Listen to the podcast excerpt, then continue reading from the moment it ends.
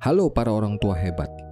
Ini adalah edisi perdana podcast Parenting 101 yang dapat saudara dengarkan melalui aplikasi NDC Ministry dan platform podcast lainnya yang terdapat dalam smartphone saudara. Sesuai dengan namanya, Parenting 101 ini membahas hal-hal yang mendasar dalam mendidik dan mengasuh anak, mulai dari usia bayi hingga pra-remaja. Parenting 101 ini tidak bertujuan untuk menggurui, Sebaliknya, justru saya rindu agar Parenting 101 ini dapat menjadi ajang saling berbagi dan bertukar pengalaman di antara orang tua dalam mengembangkan pola didik dan pola asuh yang lebih baik.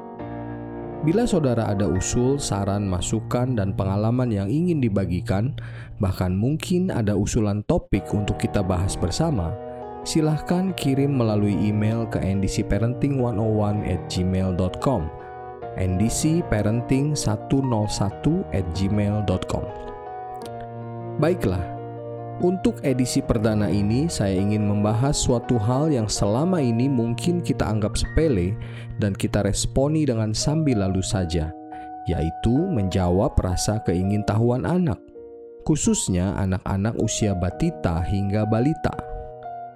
Hampir setiap orang tua pasti pernah melewati fase di mana anak-anak seakan-akan tidak pernah kehabisan pertanyaan. Selalu ada saja yang dapat ditanyakan, mulai dari hal-hal yang sepele hingga hal yang cukup serius dan membuat kita mengernyitkan dahi. Entah dari mana mereka mendapatkan ide untuk menanyakan hal-hal tersebut sebagai orang dewasa, kadang kita merasa terganggu oleh pertanyaan-pertanyaan anak-anak kita, apalagi ketika kita berusaha mengajarkan sesuatu yang baru pada mereka, dan di saat itulah mereka banyak bertanya hal-hal yang aneh-aneh itu.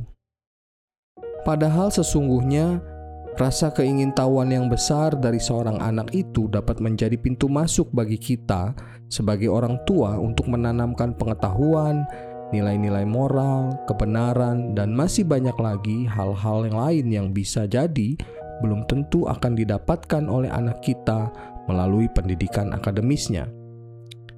Rasa ingin tahu seorang anak adalah peluang bagi orang tua untuk membagikan pengalaman hidup yang berharga kepada anak-anak, dan tentu saja untuk menumbuhkan iman yang otentik di dalam hidup anak-anak kita. Ada beberapa prinsip dasar yang dapat kita pelajari bersama agar kita siap untuk menjawab setiap pertanyaan anak-anak kita dan menjadikannya pintu gerbang untuk menanamkan benih iman dan kebenaran di dalam kehidupan mereka. Prinsip yang pertama, dengarkanlah pertanyaan anak kita dengan telinga, mata, dan seluruh pikiran kita. Saat anak kita menyampaikan pertanyaan, cobalah untuk mendengarkan dan memperhatikan mereka dulu sampai mereka selesai bertanya. Jangan terburu-buru untuk menjawab. Saat telinga kita mendengarkan setiap perkataannya, pandanglah anak kita. Coba lihat bagaimana bahasa tubuhnya. Apakah dia sedang ketakutan, khawatir, kesakitan, atau hanya sekedar ingin tahu saja? Ketika seorang anak sedang bertanya kepada kita, cobalah untuk tetap fokus. Jangan biarkan pikiran kita melayang ke mana-mana atau mencoba untuk mencari-cari jawabannya sebelum pertanyaan itu selesai disampaikan. Prinsip yang kedua, saat menjawab, jangan melebar ke mana-mana dan tidak perlu terlalu detail. Berikan jawaban sesuai dengan yang ditanyakan anak saja Tanyakanlah beberapa pertanyaan pancingan kepada anak kita agar kita lebih memahami apa yang sesungguhnya sedang ditanyakan anak kita. Coba tanyakan, kenapa kamu bertanya tentang hal ini? Atau bagaimana menurut kamu? Berikan jawaban yang sesuai dengan tingkat pemahamannya. Berikanlah apa yang dapat dicerna seorang anak usianya sampaikan dengan bahasa yang mudah dimengerti olehnya. Memberikan terlalu banyak informasi kepada seorang anak sebelum dia siap untuk mencerna informasi tersebut, hanya akan menumbuhkan kebingungan yang besar. Hal yang ketiga, jangan memberikan jawaban yang mengada-ngada atau sengaja dibuat-buat, padahal kita tidak atau belum tentu tahu jawabannya.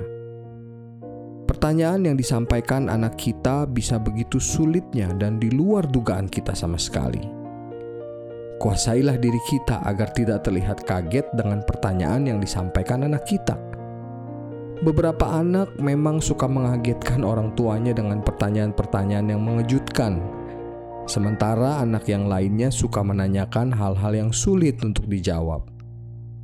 Jika tidak cukup waktu untuk menjelaskan pertanyaan mereka, mintalah waktu untuk menjelaskan jawabannya di lain waktu, dan ingat, tepatilah janji ini. Jika kita memang tidak bisa menjawab pertanyaan mereka, akuilah dan katakan bahwa kita berjanji untuk menemukan jawabannya bagi mereka. Namun, jika memang pertanyaan mereka itu tidak ada jawabannya, atau pertanyaan yang memang tidak memiliki jawaban, jelaskan pelan-pelan kepada mereka bahwa tidak seorang pun tahu jawaban dari pertanyaan itu. Tapi ingat, Pastikan bahwa pertanyaan mereka memang tidak ada jawabannya, dan kita bukan hanya sekedar menghindar untuk menjawab pertanyaan itu. Jujurlah kepada anak-anak kita. Prinsip yang keempat, jika usia anak sudah cukup besar atau bila keadaan cukup mendukung, bimbinglah anak kita untuk mencari jawaban atas pertanyaan mereka sendiri Arahkanlah juga anak-anak kita untuk banyak membaca buku dan tentunya membaca Alkitab, serta melakukan pemahaman Alkitab dengan menggunakan bahan-bahan studi Alkitab yang sesuai dengan usia mereka. Nah, itu adalah empat prinsip dasar untuk menjawab pertanyaan-pertanyaan yang dilontarkan anak-anak kita. Tapi bagaimana bila anak kita ternyata tipikal anak yang malu-malu untuk bertanya? Bahkan kepada kita sebagai orang tuanya sendiri. Ada satu kata yang selalu menjadi acuan anak-anak dalam menerjemahkan banyak hal dalam hidupnya yang belum dia mengerti sepenuhnya. Kata itu adalah waktu. Ya, anak-anak menerjemahkan rasa sayang kita, perhatian kita, bahkan pengorbanan kita kepada mereka sebagai waktu. Ada pepatah yang mengatakan, "Children spell the word love care, and sacrifice in the same way. They spell those words as T I M E. Bila anak kita malu untuk bertanya, bahkan kepada kita sendiri, maka yang perlu kita lakukan pertama kali adalah membangun kedekatan. Berikanlah waktu kita yang terbaik dan sebanyak mungkin yang kita bisa berikan untuk bersama anak-anak kita. Waktu kebersamaan ini bukan hanya sekedar berada di ruangan yang sama atau di tempat yang sama. Memberikan waktu kita bagi keluarga, terutama anak-anak, artinya kita memberikan seluruh keberadaan dan perhatian kita kepadanya. Hal ini semakin penting untuk dilakukan seiring dengan bertambahnya usia anak kita. Semakin anak kita beranjak remaja, bila kita tidak terus membangun kedekatan dengan mereka, maka mereka akan semakin menjauh dari kita, orang tuanya. Setelah kedekatan terbangun, maka anak akan merasa nyaman untuk bertanya kepada kita.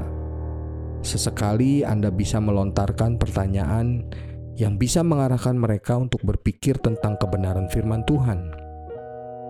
Tanyakan pada mereka, adakah yang ingin mereka tanyakan terkait hal tersebut? Jangan pernah menganggap remeh anak kita atau menganggap pertanyaan mereka hanya sebagai lelucon. Kita belum tentu bisa menjawab pertanyaan mereka. Pertanyaan-pertanyaan seperti mengapa sih kita perlu dibaptis? Mengapa Yesus harus mati? Lalu bagaimana kita bisa tahu bahwa cerita di dalam Alkitab itu adalah kisah nyata? Atau bahkan pertanyaan yang sangat simpel apakah anjing dan kucing juga bisa masuk sorga? Jika saat ini anak-anak kita menanyakan salah satu dari pertanyaan di atas, bisakah kita menjawabnya dengan benar? Saat kita berbincang-bincang dengan anak kita mendiskusikan pertanyaan mereka dan kemungkinan jawaban yang ada, sesungguhnya kita sedang memanfaatkan kesempatan yang Tuhan berikan untuk menginjili, memuridkan, dan membimbing anak-anak kita untuk menemukan panggilan pelayanan mereka. Bersyukurlah kalau anak-anak kita banyak bertanya. Pertanyaan adalah jendela menuju pikiran anak-anak kita, sekaligus undangan bagi kita untuk bergabung bersama mereka dalam sebuah perjalanan untuk menemukan kebenaran. Para orang tua yang dikasihi Tuhan, sampai di sini dulu Parenting 101 episode yang pertama ini.